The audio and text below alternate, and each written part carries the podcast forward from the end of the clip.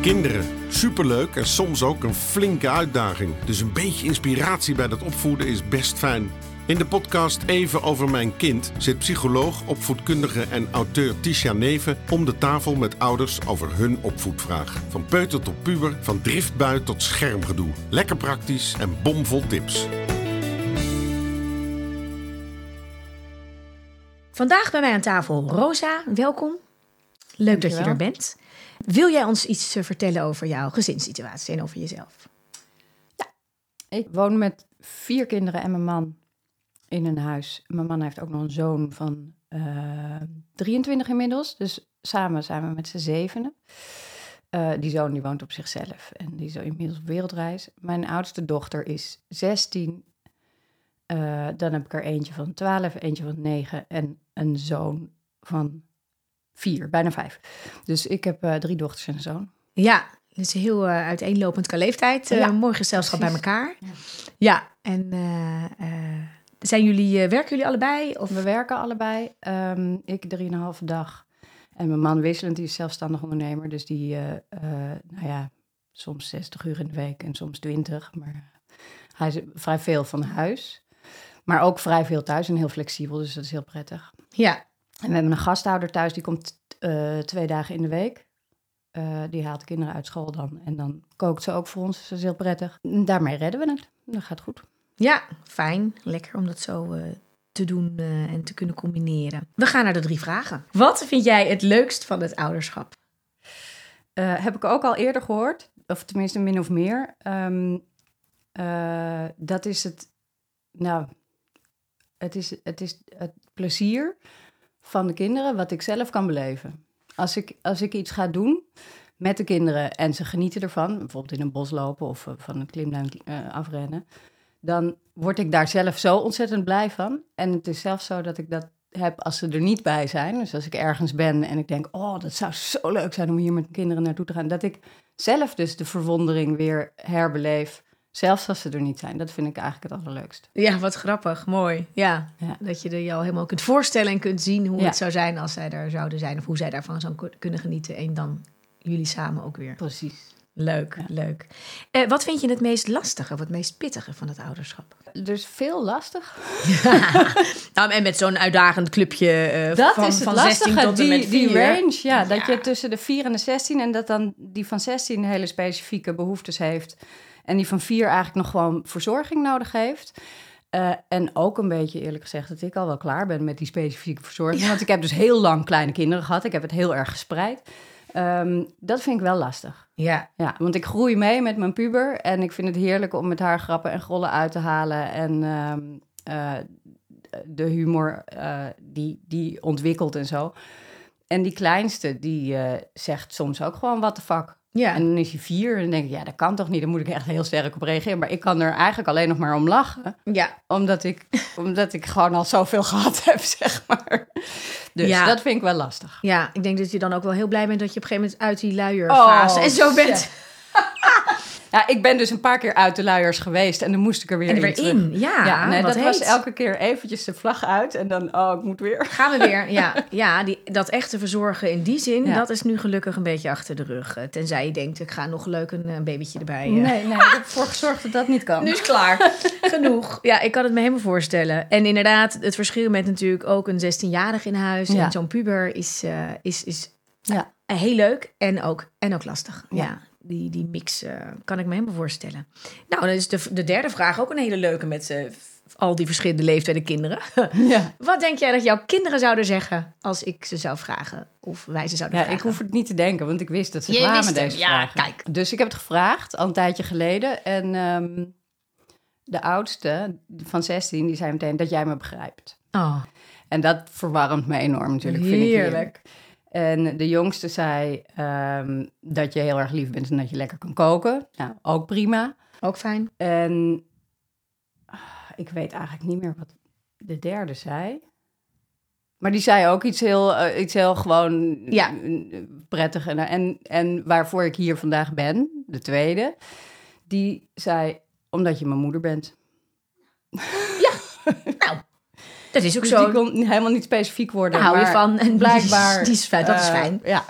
Ja, ook weer mooi. En ook wel weer passend bij die 12-jarige leeftijd. Hè? Want dat is dan, eh, Ja. dan ook weer zo'n tussen... Ja, als je nog zo, die kleine kunnen nog van die hele verrassende, fijne antwoordjes geven. En eh, de ouderen kunnen er al echt over op terugkijken. Maar Ja. zo'n 12-jarige, ja, gewoon. Je bent mijn moeder. Laten we het hebben over jouw vraag. Want we zijn bij de 12-jarige aanbeland. En daar Ja. gaat ook jouw vraag over. Mocht je ook een vraag hebben, dan kan je hier ook bij mij in Bussum aan tafel je vraag stellen. En je kunt alle informatie daarover vinden op evenovermijnkind.nl. Jouw vraag, zou jij ons eh, willen vertellen waar jij eh, over wil eh, kletsen vandaag? Ja, ik heb ehm, eh, een dochter van 12. Eh, ze, ze zit een specifiek verhaal aan. Ze is mijn tweede dochter. En toen, toen ik zwanger werd van haar, was ik alleenstaande moeder. Ze heeft een donor als vader. En eh, we zijn dus ook het eerste jaar met z'n drietjes geweest. Ehm, en daarna kwam mijn man in beeld en kwam er een zusje en een broertje bij. En ehm, nou, ze, was een, ze was als kind al heel eh, fel, heel energiek. Ze sliep altijd heel kort, een heel vrolijk kind. Ze zong altijd, ze, ze, ze, is- ze is heel zelfverzekerd. Ze is heel, heel goed geaard in zichzelf. En, eh, eh, maar ze is, ze is op haar zus en haar broer. De jongste twee? Ja, de jongste twee is ze heel, ze is heel streng. Ze corrigeert ze alsof ze hun moeder is. En dat doet ze niet op een fijne manier. Ze is niet een leuke moeder of zo. Eh, ze is, ze is eh, streng en fysiek ook. Ze, ze duwt met haar voet de stoel weg als ze aan tafel zitten. Of ze duwt ze opzij als ze er langs wil. En ehm, eh, ze zegt eigenlijk nooit iets opbouwends tegen ze. En daar hebben we allemaal last van. Ja. En is dat altijd zo geweest? Of is het iets wat je de laatste tijd... eh Het laatste- lijkt wel alsof het de laatste tijd sterker geworden is, maar het is in ieder geval, ja, het is denk ik altijd zo geweest. Het is de laatste tijd eh, is, is het onaardige echt gaan overheersen.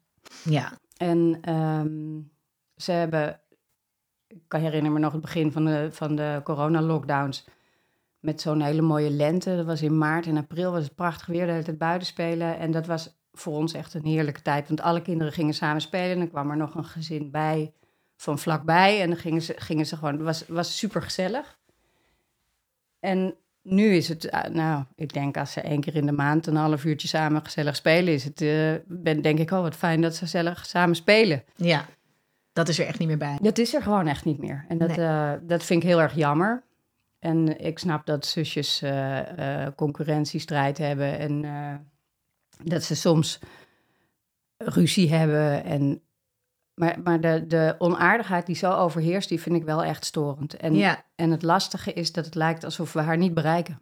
We kunnen daarover praten wat we willen. We kunnen boos worden wat we willen. Het lijkt alsof er een gordijntje dicht gaat bij haar. Alsof Eh, niet... eh, alsof, we, alsof ze niet... eh, alsof ze uitcheckt Ja. op het moment dat we Ja. erover willen praten. Dus je, je kunt er niet bereiken Nee. over dit onderwerp Nee. en niet met haar samen bij stilstaan. Is zij dit jaar naar de brugklas gegaan voor de, Nee, het eerste nee jaar? ze moet nog. Ze moet nog. Dus ze zit nu in groep 8. Ja, ze is net twaalf. Ja, Ja. dus ze is nu in haar laatste jaar op de eh, lagere school. Dus er komt ook wel weer een eh, spannende tijd aan. En dit is natuurlijk ook wel een, eh, een jaar waarin veel gebeurt. En weer, met name ook bij die meiden, dat je wel echt die, die prepuberteit, puberteit Ja. flink gaat merken. En die zal hier zeker meespelen. Dat ze daardoor wordt alles een beetje kortaffer en wordt alles dus dat de toon en de vorm en de uitingen die ze doet vanaf zeg maar zo die prepuberteit, zo 11, 10, 11, 12 eh, aan het veranderen is. Ja. Ja. dat, en dat maakt het nog pittiger. Hè, want daarvoor is het waarschijnlijk ook meer het moeien met hè, moederen over. En nu zit die, die nog die, die negatievere toon en houding er denk ik nog meer aan. Ja. Want waarin merk je dat dat veranderd is in de afgelopen jaren? Wat, wat, wat maakt het? Je zei dat fysieke, hè, tegen iets aanduwen of even weg. Maar ook, is, is ze negatiever over wat ze zegt? Ja, ze is, nou, ze is ook, ze- ze- ik zie ook aan haar dat ze minder gelukkig is. Weet je, dat vrolijke wat ik net benoemde, dat zingende kind, dat is er ook niet meer. Nee. Nou, dat is eh, een goede dat je dat zegt. Want daar, is- dat heeft natuurlijk wel vaak te maken. Hè? Als jij natuurlijk wat minder lekker en opgeruimd in je vel zit... zijn je broertjes en zusjes het eerste waar je op gaat reageren. Ja, En vaak zie je in die leeftijd waarin ze eh, dat zich heel erg gaat vormen, zo'n groep 7, groep 8, is dat natuurlijk zo'n dat zijn de jaren waarin er natuurlijk heel veel speelt. Waarin sociaal veel speelt, waarin er sociaal ook veel dingen veranderen. Waarin ook de, nou ja, de afronding van de ene school en de start straks op de nieuwe school gaat spelen. In dat groepsproces gaat al heel veel gebeuren. Want iedereen is natuurlijk al wat in die prepuberteit en die beginnende puberteit. En dan zie je echt dat in die groepen dat er veel gebeurt. Vaak ook bij de meiden, want dat zit al wat onderhuidser. Dat zinkt wat meer rond. Mhm. Waardoor toch veel meiden ook wat meer in die onzekere fase komen. Je lijf gaat al van alles veranderen, dus er gebeurt gewoon al een Ja, hele ze is ook heel veel meer met haar uiterlijk bezig. Ja, Ehm, staat vaak voor de spiegel en ze is met make-up begonnen en zo. En, eh, dus, dat, dus zeker ook die puberteit en die hormonen beginnen zeker op te spelen. ja, en dus ook wat minder lekker in je vel zitten soms. En wat meer eh, zoekende zijn in wie ben ik dan, waar, hoe verhoud ik me tot de rest. En eh, nou, dat hele plekje. En wat je dan heel vaak ziet, is dat, dat, dat ze dat op school allemaal nog wel redelijk leuk kunnen doen. En zich staande kunnen houden. En dat als ze daar veel, even dat veel energie kost in die fase, of er veel onzekerheid oplevert, die komt eruit als ze thuis zijn. En als je dan natuurlijk al van nature wat meer dat moederen over je broer en zus hebt. Of het eh, afgeven op je broer en zus een beetje over je hebt. Hè? eh, vanuit haar eh, rol als nou ja, twaalfjarige en dan daaronder negen en vier. Ehm, dan ja, zie je vaak dat het, ja, waar al een beetje jouw stukje zit, wordt het uitvergroot. Ja. Dus dat ze nu daar nog pittiger bovenop zit en nog meer op die negatievere manier. ehm, ja, is niet, is niet gek, zeg maar. Het is, het is wel lastig, maar het is niet gek. Want dan eh, reageer je het gewoon nog meer thuis af in je veilige omgeving. Ja. ja. Maar dat doet mijn oudste natuurlijk ook al. Dus Ja. ze hebben er twee ook, dus die heeft het voorbeeld ook al heeft voorbeeld Ja, al gegeven. Die deed het ook naar haar toe zelf. Dus het is ook doorgegeven. ja, en die Ehm, heeft natuurlijk ook weer, eh, die heeft natuurlijk weer een bepaalde rol over haar. Die, Dat bedoel ik. Ja, en zij pakt hem lekker over de Ja, jongste zij pakt hem over. Maar haar, haar stijl is wel echt anders. Ja, Haar, eh, haar, en er zit ook, er zit ook ehm, de behoefte die eronder zit, heb ik natuurlijk naar gezocht.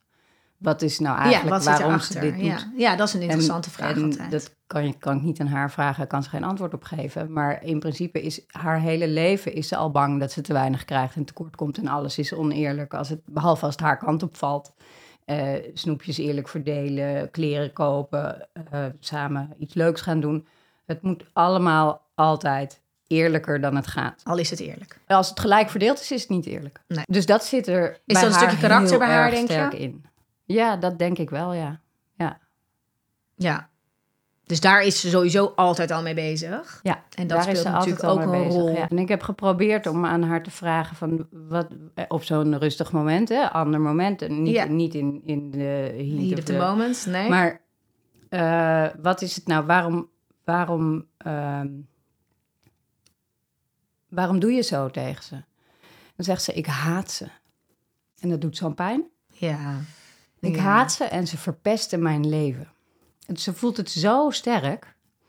Ehm, ik, ik wou dat ze er niet waren. En dan vervolgens komt er, ik ben nooit goed genoeg en ik doe altijd alles verkeerd.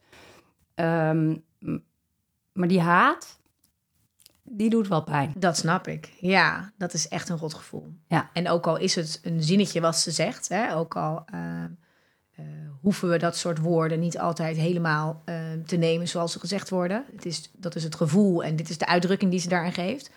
Eh, en daar zit ook natuurlijk weer een stukje achter. Maar dat doet wel pijn als je het hoort.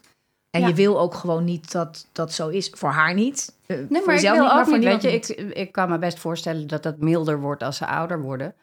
Maar ik wil ook niet dat ze dat soort dingen zegt waar die broer en die zus bij zijn. Nee. nee, dus dat is op heel veel vlakken is het heel Ja. ingewikkeld als ze dat zegt of doet. Want Ja. herhaalt ze dat ook wel als ze boos is of als er dingen spelen, dat ze dat soort uitspraken Nou, ik doet? geloof niet dat ze tegen, tegen broer en zus zegt ik haat je. Maar in haar gedrag zie je het dus heel erg duidelijk. Ze Ja. laat het heel duidelijk merken. Ze, haar ogen kunnen vuur spugen. Ja, Ze kan kijken alsof je direct dood moet neervallen. En eh, ze, zusje weet ook wel hoe ze daarop moet reageren. En ze, ze is inmiddels ook goed getraind in een beetje trekken. Hè? Dat Ja, ze, dat ze kan uitlokken. Ja, dat is Dus de andere het is, kant. eh, het is niet vaak gezellig aan tafel, zeg maar. Nee, dat kan ik me voorstellen. Kan ik me voorstellen. Hey, en jullie hebben natuurlijk wel ook een bijzonder gezin. En Ja. haar positie is natuurlijk ook bijzonder. En ik zou me ook kunnen voorstellen dat dat bij haar wel meespeelt. Hè? Want zij is natuurlijk, je zei, zij is van een Ja. donorvader. en dit, de andere twee onder haar zijn natuurlijk van jou, va, hè, jouw, jouw man, Ja. vriendman. ehm, en jou samen. Eh, En dan heeft ze nog een oudere eh, zus. En dan nog is er nog een van jouw man ook nog. Dus die positie van haar daar ergens in het Ja, midden, die heel, ingewikkelde ook positie. echt anders Ja. is. Ja, is, heb je daar, eh, kun je daar met haar over praten? Of heb je het daar wel eens met haar over gehad? Ja, ze weet dat ze een eh, donor heeft en geen vader. Als we het erover hebben en we vragen haar daarna. Ze noemt, ze noemt eh, mijn man papa. Ja. Ze kent hem vanaf dat ze, nou, voordat ze twee was. Eh, dus hij voelt voor haar wel als papa. Ja, dat is fijn. Ze is echt met hem opgegroeid. Ja, ze is echt met hem opgegroeid. Ehm, en het is natuurlijk niet een bloedband. En in hoeverre dat alleen maar echt een papa-gevoel is... of toch een voorwaardelijk papa-gevoel. Ja, er zit wel een soort voorwaardelijkheid in. Dat kan niet anders.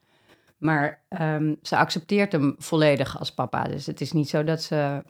Nou, dat zal nu komen, hè, als ze in de puberteit komt. Het is niet zo dat ze zegt... ja, maar jij bent mijn vader niet. Nee, of eh, Of jij hebt niks te zeggen, want Nee. je bent mijn vader niet. Nee, of, heeft nog hij heeft nooit, gewoon de eh, opvoedrol ja. die hij naar alle kinderen heeft, ook eh, met haar. Ja, en dat is natuurlijk fijn als ze vanaf heel jong daarmee opgegroeid is, want dan voelt dat natuurlijk ook zo. En Ja. er is natuurlijk ook niet nog een andere vader van haar. Nee, er Die is er ook, ook geen, is, eh, dus geen dat is- heen en weer eh, Nee, nee, nee. gedoe met een ander huis. Het kan wel ehm, nu onbewust meer meespelen, omdat het een leeftijd is waarop je natuurlijk wel meer gaat nadenken over de dingen. En wie ben ik en waar sta ik en waar kom ik vandaan en eh, hoe is mijn positie. En, dus ik vind het niet gek. Het is wel een, denk ik een goede om ehm, in je achterhoofd te houden en toch te kijken of je op sommige momentjes nog eens met haar erover, nou ja, in ieder geval kan laten weten dat je het je realiseert Ja, dat die positie ook anders is. En ehm, dat ze ehm, ja, een beetje, een beetje vinger aan de pols houden, zeg maar. En ruimte vergeven. Ik denk dat dat wel een mooie is. Want het is natuurlijk toch een bijzondere positie. En soms helpt het als we zo'n gesprek aangaan. is best wel lastig soms. Hè? Van ja, hoe steek je dat dan in? Als je er gewoon zou vragen van, nou, hoe is dat voor jou? Ja, dan weet ze ook niet wat ze moet zeggen. Zeker op deze leeftijd niet. nee. Maar ehm, dus ik vind het soms wel een mooie moment om dit soort dingen meer. ehm, ja, stel je ligt even bij haar eh, s s'avonds als ze gaat slapen. Of je bent even met z'n tweeën echt iets aan het doen. Dat je echt even die momenten hebt. Eh, dat je dan ehm en meer zegt van nou, ik zou me best kunnen voorstellen dat het soms. Nou. Bij, speelt bij je dat je soms even dat het je bezig kan houden in plaats van dat we het rechtstreeks vragen. Ja. Ehm, soms helpt het ook om, eh, ik weet dat ik in de tijd dat ik veel met pubers werkte, ook vaak ehm, nog indirectere pak van, nou, weet je, ik, er zijn best wel veel kinderen die, of ik ken een aantal kinderen die het lastig vinden dat ze. En Ja. dan is die, en dan kunnen ze natuurlijk zeggen, nee, dat heb ik helemaal niet. Maar ze voelen wel dat je het je beseft en dat er eh, ruimte voor is. Of dat je, oh, dan kan je natuurlijk ook letterlijk zeggen, weet je, als je daar, als je daar vragen over hebt, als je het erover wil hebben. Vaak zie je dat hun reactie in eerste instantie is, nee, pff, nee, nee, onzin, helemaal niet. En dat is ook oké. Je hoeft ook niet door te prikken, maar door te zeggen en wel aan te geven, weet je, mocht je er iets over willen, of ik kan het me gewoon goed voorstellen. Het hoeft ook niet zo te zijn, maar ik zou het me wel kunnen voorstellen. En ik weet dat ik er altijd voor je ben als je het Ja. er wel over wil hebben. Of, Ja. En soms als je dan zeg maar een paar maanden later of zo weer eens een keer ergens dat het of door iets wat eh, in de omgeving gebeurt of dat ergens naar voren komt, eh, dan zie je soms dat er een ander laagje of een ander laadje open gaat, of een ander laagje gepakt kan worden. Ja. Dus dat kan nog wel voor haar ook dat het wel eh, af en toe bespreekbaar het- blijft of een er mag beetje een zijn. onderwerp blijft wat langskomt. eh, Ja. Zonder dat het meteen Ja. een ding is. Ja. Ja, want het, het kan op verschillende leeftijden ook ineens andere vragen oproepen. Hè? Of Ja. andere eh, gevoelens oproepen. Of Ja. onzekerheden oproepen. Of ehm, ja, dat kan zomaar zijn wat soms meespeelt. En het kan zeker in die houding naar de jongste twee wel iets zijn... waar zij natuurlijk daadwerkelijk een andere positie eh, voelt. Ja. En eh, dat is altijd de combinatie eh, van ook een karakter en de manier. Want dat is wat jij zegt, dat zit er ook echt wel in bij haar. En de manier waarop ze de felheid die ze daarin in kan hebben. En toch is het wel goed om daar, ehm, ja, dat we ons daarvan bewust zijn. Want je hebt natuurlijk ook nog een, een veel kleinere, die natuurlijk ook een andere rol heeft. hè. Zo'n klein broertje of zusje die er dan nog ergens onder is. En die nog heel veel verzorging heeft gehad. Ja. Heel veel jaren, heel veel lieve knuffels en gezelligheid. En jij bent eigenlijk al weer groter. Is, Ja. Vraagt ook best wel weer veel van je Zeker. op die Zeker. leeftijd. En ook nu als puber, zeg maar. Ja. En dan heb je natuurlijk nog de positie naar de oudste. Want hoe is die? Is, daar, eh heeft ze daar gewoon een oké band mee? En, Eh, nou, de oudste die is, die is nogal op zichzelf. Die zit, die zit eigenlijk liever niet bij het ontbijt, zeg maar. Die is heel gevoelig voor geluiden. En eh, ehm, Die heeft ook het geluk dat ze op school gewoon vaak het eerste uur vrij heeft. Heel fijn. Dus die, die komt eigenlijk pas uit haar grot als uh, de rest om De acht drukte uur de deur uitgaat. dus die, die mist ze al. En uh, we doen wel vaak op, bijvoorbeeld op zaterdagavond een filmavond met z'n vier op de bank nog, met de twee oudste dochters. En uh, dat is gezellig. Maar um, ze hebben niet een hele hechte band. Ze voelt een enorme bewondering naar haar oudste zus. En uh, als er bijvoorbeeld verdriet is bij die oudste of iets ergs gebeurt, dan gaat ze ook dingen doen voor haar. Cadeautjes geven of tekeningen maken of iets verzorgen. Um, dus ze wil heel graag dat contact. Maar, uh, ja, ik, ik vind het wel uh, mooi om dat ook te horen. Want daar heeft ze dus die meer liefdevolle, verzorgende kant ook. Hè, die is er dus ook. Ja. En dat is wel fijn om, uh, om, om te zien, ook voor zeg maar, de toekomst. Dat je weet dat die kant ook erin zit. Ja. Er zit natuurlijk zo tussen alle leeftijden in. Uh, waarbij ze ook best wel een stukje jonger is dan die oudste zus Zeker, natuurlijk. ja. En dan heeft ze natuurlijk nog die heel veel jongeren aan de andere kant. Ja. Dus in die zin uh, is het ook een beetje een zoek tocht voor haar natuurlijk. Ja, en, dat uh, is het ook. Ja, en het is, het is ook... Ook dat is wel een stukje wat... Um, ik weet niet in hoeverre je dat doet hoor. Um, dat dat ook uh, ingewikkeld mag zijn. En dat dat af... Dus daar heb je daar af en toe met haar over... of dat ze dat terugkrijgt voor jullie. Want ik kan me voorstellen als je... Als ze zo vaak op die negatieve manier natuurlijk bezig is met die twee jongsten ja, daar moet je af en toe wat van vinden. Daar moet je af en toe op reageren. Ja. Daar moet je af en toe een halt aan roepen. En op een gegeven moment wordt dat natuurlijk ook een beetje het, het stukje waar zij in zit. Ja. Is er ruimte ook om met haar af en toe te hebben of te benoemen dat het echt wel een, ook een lastige positie is die ze Nee, heeft? dat hebben we eigenlijk niet gedaan. Nee. Nee. Nee, we Dat hebben is- natuurlijk wel heel veel over gehad. En mijn man is dan een beetje de dominee. Die gaat, die gaat preken houden en heel, heel rustig worden. Ja. Niet kwaad worden, maar uitleggen waarom we niet willen dat ze zo omgaat met haar broer en zus. En eh, hoe, we, hoe we willen dat ze, en wat voor verantwoordelijkheden we hopen dat ze gaat nemen. En dat is dan eh, vaak een verhaal waar ze ook echt uitcheckt. Gaat ook dat gordijntje dicht. Ja, dan is het er misschien nog wel, maar dat komt niet meer binnen. Nee, komt niet meer binnen. En Maar ik heb ook uh, periode gehad dat het met mij wat minder goed ging. Dat ik echt heel kwaad werd ervan als Ja, ik zag dat ze dat snap. deed. Ja. Dat ik zelf me bijna niet kon bedwingen om fysiek te worden. Dat ik echt heel dichtbij er ging Ja. en hard praten. En uh, komt ook niet aan. Nee.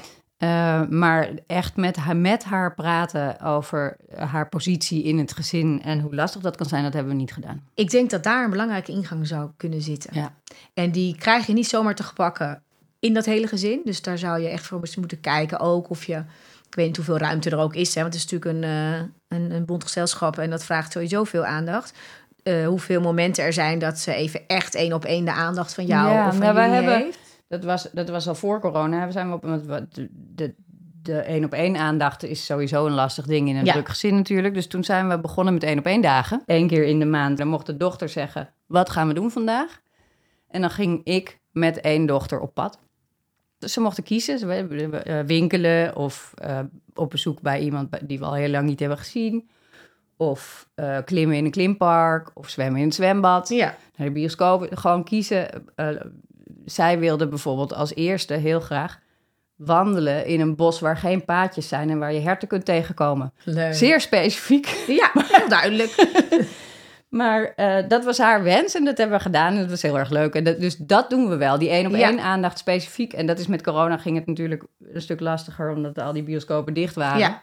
Moest je wel in het bos Uh, wandelen? dus hebben, ja, nou ja, dat hebben we een tijdje minder gedaan. En nu doen we het af en toe weer in iets, ook in iets kleinere vorm. Want zo'n hele dag van, van s ochtends tien uur Ja. tot s avonds vijf uh, is, is best wel lang. En het gaat ook best wel veel geld kosten Ja, natuurlijk. Want dan moet Als je iedereen steeds wat bedenkt. eten en wat drinken en Ja. uh, kleren kopen. En, uh, En dat keer vier, ja. ja, ja, nou ja. Uh, dus dat, uh, we hebben het ietsje kleiner gemaakt, maar ik noem het nog steeds één op één momenten. En dan gaan, we, dan gaan we gewoon eventjes koffie drinken bij de HEMA of zo. Ja. Uh, uh, en dat wordt ook heel erg gewaardeerd. Ja, nou dat is zo belangrijk. Ja. Dat je dat ook voelt in een groot gezin. In een klein gezin ook, want ook al uh, is het gezin kleiner... dan zit je nog steeds in alle hectiek... en is er vaak niet echt bewust de één op één Nee. echte aandacht. Dus dan zijn die momenten alleen... ze zijn wat makkelijker thuis te pakken. Um, en ik vind het ja, heel belangrijk dat we dat doen uh, met kinderen. En het zijn ook de momenten waarop je uh, de ruimte wat meer krijgt... om nou ja, de gesprekken net Om wat de anders over, te voeden. over dat soort dingen te Ja. praten, ja. En dat Ja. hebben we niet gedaan, hoor. Mijn gevoel zegt dat dat een hele belangrijke voor haar is. Dat zij ook um, zich gaat realiseren dat jij en jullie je bewust zijn van haar unieke positie. En uh, hoe lastig die soms kan zijn. Maar ook dat er uitgesproken wordt dat het natuurlijk een andere positie is van haar. En, want daar kan zitten, waardoor ze hè, dat gevoel van het is nooit helemaal eerlijk en het moet dan daar kan het best wel een stukje zitten bij haar van het voelt gewoon anders. En ja. dat kan je niet zomaar wegnemen, maar als het er mag zijn en als het uh, besproken mag worden en als zij voelt dat je het ziet en hoort en dat je naar haar wil luisteren. En dan is ook de kunst dat we het daarin houden. Want dan willen we natuurlijk ook graag overtuigen dat zij wel, hè, als ze zou zeggen, ja, maar ik voel me gewoon toch daar soms anders in. Of en dan denk ik dat jullie de anderen liever vinden of dat die meer mogen. Dan hebben we de neiging om natuurlijk ook te... Nee, dat is niet zo en we doen dit tegelijk en we doen dat. Echt bij haar de gesprekken uh, van wat kan er eventueel meespelen, bij haar spelen... waardoor zit ze ook wat minder lekker in de vel. En dan niet de neiging krijgen dat we het willen oplossen of relativeren. Of vertellen wat er allemaal wel goed gaat. vertellen of we. Maar dat we gewoon echt luisteren en dat ook kunnen ontvangen. En soms ook dan, soms kan het best wel zijn dat je zegt: hé, hey, ik vind het best wel moeilijk om te horen dat je het zo voelt. En ik ben ook heel blij dat ik het weet. Of dat ik het, dat ik het dan ook wat beter, wat dingetjes meer snap. Zodat we echt komen op het stukje. Het mag er zijn, het mag gezegd worden en er is ruimte voor. En um, ja, die positie van haar in het gezin is natuurlijk ja, echt wel um, een lastige, zeker nu in die puberteit. En daar, daar heb je er nog even in, zeg maar. Ja, die komt nog, komt nog van alles. ja, en dan is het best wel fijn als we ook af en toe terug kan pakken op... hey, is dit even een lastige fase? Ik merk het ook aan hoe je naar de andere bent. Ja. En dan kan je hem vanuit dat begrip ook voor. Soms vind ik het echt even heel moeilijk of lastig. Of heb ik echt even last van mijn jongere broer of zus. Of zit ik zo even niet lekker in mijn vel en dan reageer ik het af. Hè? Want dat is dat andere stukje wat je ook kan bespreken. Van, soms gebeuren er zoveel dingen om je heen. En dan kom je thuis en dan kun je bijna niet meer aardig doen. Weet je, dan is dat gewoon waar je afreageert. En als, daar, als we het kunnen duiden voor haar, wat ze zelf niet zo goed kunnen nog, weet je. Want ja, als ze het zelf allemaal voor ogen had, kon ze het wel zeggen. Ja. Uh, dus dat is lastig. En Um, op het moment dat het wel besproken wordt, hebben ze ook nog wel heel erg nodig dat wij kunnen erkennen en laten weten van het, ja, dat, we er begrip voor hebben en snappen dat het soms lastig is. Dat staat los van het bepaalde gedrag wat je laat zien. En het moment dat je dan ook met haar kunt zeggen, nou weet je, ik snap dit stukje en ik, en, en ik begrijp nu iets beter van wat er ook meespeelt. Want als je daar iets meer van snapt en, je, en ze gaat hopelijk, doordat je wat meer af en toe op deze onderwerpen met haar kan praten... Uh, als je daar iets meer zicht op krijgt, uh, ja, komt er ook een soort zachtheid, denk ik, meer een zachtheid bij haar. Snap je wat ik bedoel? Mhm. Van er is begrip, er is acceptatie, er is, ik, het, mag gezegd worden of ik kan het zelf even onder woorden brengen, wat ze natuurlijk nu ook niet doet. Want het is denk ik ook niet zo dat ze dat met vriendinnen nu allemaal, weet je, dus die leeftijd heeft ze ook nog niet. Dus het, het, er zit iets wat ze zelf waarschijnlijk ook niet eens kan zeggen. Dus als we er vragen, ja, waarom doe je zo? Uh, zal zij helemaal niet bewust zijn van nou, uh, Hè, dan, dan zegt ze gewoon iets van ja, ik vind ze gewoon stom of ik, vind, ik haat ze gewoon. Weet je, dat is dan wat je zegt. Ja. Maar waar het om gaat is dat ze gewoon zoekende is naar haar positie, haar plekje, haar, de, de emoties, de gevoelens die erbij zitten. En als die de ruimte krijgen ja. en we, ja, ze, kan, ze, ze ziet en ze voelt dat jullie daar ook bij stilstaan en dat jullie die, dat begrijpen, dan kan je hem ook wat meer vanuit het begrip voor die stukjes soms pakken. Of dat nou is je komt met een vol hoofd uit school. En je hebt even geen zin aan in uh, twee kleinere kinderen om je heen. Dus je gaat je even afreageren. Dan kan dat wel ook geduid worden soms of begrepen worden. Waarbij je wel kunt zeggen: luister, wij willen hier gewoon, ook al zit jij even niet lekker in je vel, dat is oké. Ja. Alleen we gaan niet afreageren op je broertje of zusje. Dus dan ga je even op je kamer uh, ja. zagrijnig zitten zijn. En als je weer gezellig erbij wil, of als ik even bij jou kan komen, helemaal goed. Hè? Dat is dan niet voor straf, maar gewoon meer vanuit ja, je, we wonen met z'n allen in een Bescherming huis. en, ja, uh, en, en, en zelf komen. Ja. Als we met elkaar zijn en, en het gaat echt niet op die manier, ja, dan, dan kies je even een andere plek in huis waar je voor jezelf. En dan mag ik wil best naar je luisteren als je even je wil vertellen wat er aan de hand is. Dus wil je dat niet, dan doe je het even zelf. Mm -hmm. Alleen aan het gedrag stel ik wel een grens. Maar dan is er iets meer. Ja, ik hoop dat er dan iets meer uh, duidelijk kan worden over wat zit er een beetje bij haar ja. onderhuids wat um, meespeelt, zeg maar. Kan je er iets bij... Uh... Ja, daar kan ik me zeker wel iets bij voorstellen. Ja, dat hebben we echt. Ze, ze voelt zich, dat heeft ze wel aangegeven, ze voelt zich echt niet gezien. En ja, als ik er naar kijk, dan denk ik, ja, ik, zie- ik zie je. En, Net als eh, iedereen. Ja, Ja. Eh, we leven inderdaad in een druk gezin en, de tijd moet verdeeld worden. Maar we doen ons best om iedereen in ieder geval wat individuele tijd te geven. Maar ze voelt zich nog steeds niet begrepen. Nee. Dus de- om dat eh, eh, specifiek te benoemen, is denk ik wel een heel goed idee. Ja, en soms ehm, blijft het voor haar hangen in... ik voel me niet gezien of ik heb niet genoeg de aandacht. En is het dus die laag daarachter die ze voelt. Ja. En kan jij investeren tot je een ons weegt in dat contact. Bij wijze van spreken, wat sowieso belangrijk is voor haar, denk ik. Hè? En ook in deze leven, dus echt die momentjes met haar blijven pakken... is echt een heel goed idee. Ehm, en haar meenemen, want het is wel een mooi als je hem vanuit dit stukje zou kunnen pakken met haar... in de zin van... ehm, kijken of je toch iets van die lagen daaronder. En dat zijn natuurlijk verschillende dingen die spelen. Haar positie in, de, in het gezin. eh, met als enige de donorvader en niet hè, de, de Mhm. kinderen anders. Maar ook tussen de oudste en de jongste in. En daartussenin zitten. Ja. Eh, de aandacht die je moet verdelen. eh, het feit dat, eh, nou, wie weet, je het voelt als een vader en het is toch anders dan voor de jongste twee. Als de gesprekken erover mogen zijn en als zij dat mag voelen en als ze ook mag soms zou kunnen aangeven of in ieder geval weet dat het oké is dat ze dat soms misschien lastig dat ze er vragen over heeft en ze kan bij jullie terecht, daar haal Ja. je, gooi je al echt iets mee open. Want dat is misschien wel het stukje waarop ze eigenlijk met ik, eh, ik, ik word niet genoeg gezien, Ja, waar, waar dat over gaat. Dat is die laag zit, ja. misschien daaronder die, die ruimte en aandacht zou mogen hebben. En je zou ehm, ook vanuit dat punt bij haar wel kunnen kijken van... hé, hey, wat heb je nodig dat je je wel gezien voelt? En dan kan ze natuurlijk zeggen, nou, dan wil ik eh, dat de jongste twee uit huis zijn. En soms... Zakgeldverhoging en ongelimiteerd computergebruik. Ja, ja. En dan, dan voel ik me gezien, want dan wordt gedaan wat ik heel graag wil. En eh, ja, dat is een heel eh, mooi puber antwoord. En dan zou ik tegen haar proberen te zeggen... nou, dat, ja, dat zou het allerfijn zijn. Want dan voel je je echt heel erg gezien hè, als wij dat doen. En dat je alles mag hebben wat je wil en eten wat je wil en wanneer je wil. En hmm, dat zou fijn zijn.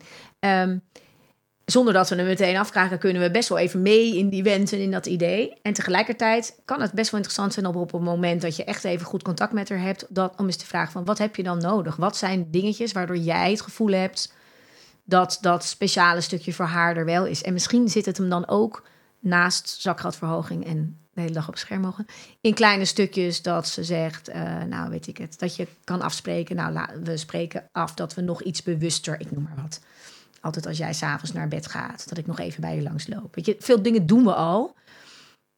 Maar het kan in kleine dingen zitten voor een kind, wat voor, voor haar nou net even belangrijk is om zich anders behandeld te voelen of Ja. gezien te voelen. Of even dat stukje momentje te hebben waarbij niet de ander er toch nog tussendoor komt. Of, en door daar een stukje bij haar in te leggen van wat heb je dan nodig, wat zou je fijn vinden. En ehm, daar samen naar te kijken van wat is er dan ook haalbaar en mogelijk. Maar je kunt altijd kijken wat er dan wel kan. Ja. Hè? Eh, eh, Ja, de hele avond de kinderen, andere kinderen in slaapkamers en wij gezellig alleen maar dingen kijken die jij wil kijken. Dat wordt lastig. En we kunnen soms wel kijken, weet ik het, dat wij eh, online samen iets kijken als papa met de andere twee. Weet je, dus waar kun je wel kijken Ja. en wat heeft, wat heeft ze dan daarin nodig? Want dan ga je iets meer zitten op wat heb je nodig en dat, dat, daar kun je zelf dingen in aangeven. En dan gaan we samen kijken hoe we, daar, hè, hoe, we dat ook kunnen doen. In plaats van ehm, dat we proberen te overtuigen dat ze wel gezien wordt. Ja. Snap je het verschil? Mhm. Ja. En ik denk dat daar misschien bij haar nu de meeste ingangen zitten. En waarbij je dan wel heel duidelijk kunt zijn op het moment dat je echt gedrag ziet waarvan je zegt: dit gaat me echt te ver. De manier waarop je er nu mee omgaat, dat je daarop het corrigeren kan doen. Hè? Dat is gewoon wat je blijft doen. Ja. Ehm, en deze gesprekken daarnaast kunnen er ook voor zorgen dat je dan op een gegeven moment wel weer samen uitkomt op, weet je, ehm, dat je wel op dat stukje kan komen waar we nu ook over proberen te praten. Namelijk, als je zo doet, dat werk is niet fijn voor je broers en zussen, het is niet fijn voor de hele sfeer in het gezin. We willen niet zo met elkaar omgaan. Nee. Dat riedeltje kent ze nu wel. ja hoor. Meer dan. Dus dat lesje is eigenlijk niet meer nodig. Maar je kunt daar iets makkelijker komen als je iets meer met haar echt in contact bent over wat kan er nou nog meer meespelen in haar gevoel. En specifiek in deze fase zijn er dingen waar ze nu zich meer mee bezighoudt of meer moeite mee heeft. Ja. Dan kan je ook zeggen, snap je ook dat het soms echt even heel naar over kan komen. Ook al bedoel je het niet zo. En dan heb je ook dat gesprek op een ander stukje dan dat we er alleen maar vertellen. Dat dat niet mag. Ja. Dus ik denk dat daar de, de, de ingang het meest? Een, een sleutel ligt. Wie weet, ik, ik hoop het. Want ik heb het, nou ja, het is in ieder geval iets wat ik nog niet gedaan heb. En wat ik kan Ja. gaan proberen natuurlijk. Ja. Zie je het ook jezelf doen? Heb je het gevoel dat je die ingang Ja, hoor. kan Ja, vinden? ja, kan fijn. wel, ja. Fijn. Ja, mooi. Ja, en je kan... En Want stel, ik heb het natuurlijk de afgelopen weken, omdat ik wist dat ik hierheen zou gaan, heb ik inderdaad beter nagedacht over die achterliggende behoeften. En dan gedacht, ik moet er wel laten merken dat ik er zie en wat kan ik dan daarin nog doen. Eh, en dat zie ik al, dat dat aankomt, zeg maar. Mooi. Maar ze is wel een soort eh, bodemloos vat. Ja. ja Als en zij 's ochtends naar school gaat, dan wil ze vijf keer terugkomen voor nog een keer een kusje. En eh, het is nooit genoeg, zeg maar. Nee. Dus er moet nog ietsje meer dan dat. Ja, nou en dat is mooi om met haar naar te zoeken. Wat Ja. heeft ze dan nodig? Hoe gaan we dat doen? En, en dan kom je hopelijk ook op het stukje uit dat je dan kan zeggen... ja, en liefje, snap je ook, want ik wil jou het liefst wel duizend kusjes geven. Eh, alleen dan kom jij te laat op school of niet op school. En ik, dus, dus we moeten toch een soort van welke momentjes kunnen we pakken. Ja.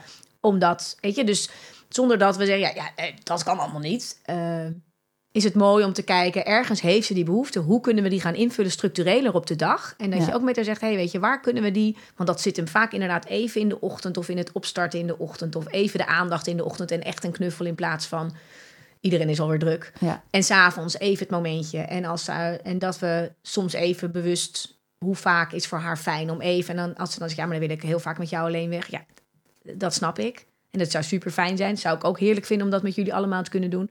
Alleen daar is ook niet altijd de ruimte voor. Nee. Maar we kunnen wel kijken hoe gaan we dat dan structureel goed invullen. Dat je wel weer heel bewust van, nou, we doen één keer per jaar zo'n hele dag eh, bijvoorbeeld. En, en neem haar mee in dat plan. Want dan Ja. gaat ze zich ook gezien voelen en dan mag ze erover meedenken. Dus de kunst is niet. en Deels is het dat we er zelf even wat meer aandacht aan besteden. En daar kan je al best wel een stukje verandering in zien. Ik ben blij om dat te horen, want dat betekent dat er mogelijkheden zijn. Ja. En nu is de kunst dat zij mee kan denken en een stukje regie krijgt over wat is dan voor haar fijn. En misschien is dat wel na het eten even een wandelingetje maken alleen met jou. Mhm. En even, eh, nou, en dan ga je kijken wanneer en hoe vaak is dat mogelijk en hoe kunnen we dat doen. En op Ja. welke manier is dat ook gezellig en fijn. Want dat is de andere kant. Ja.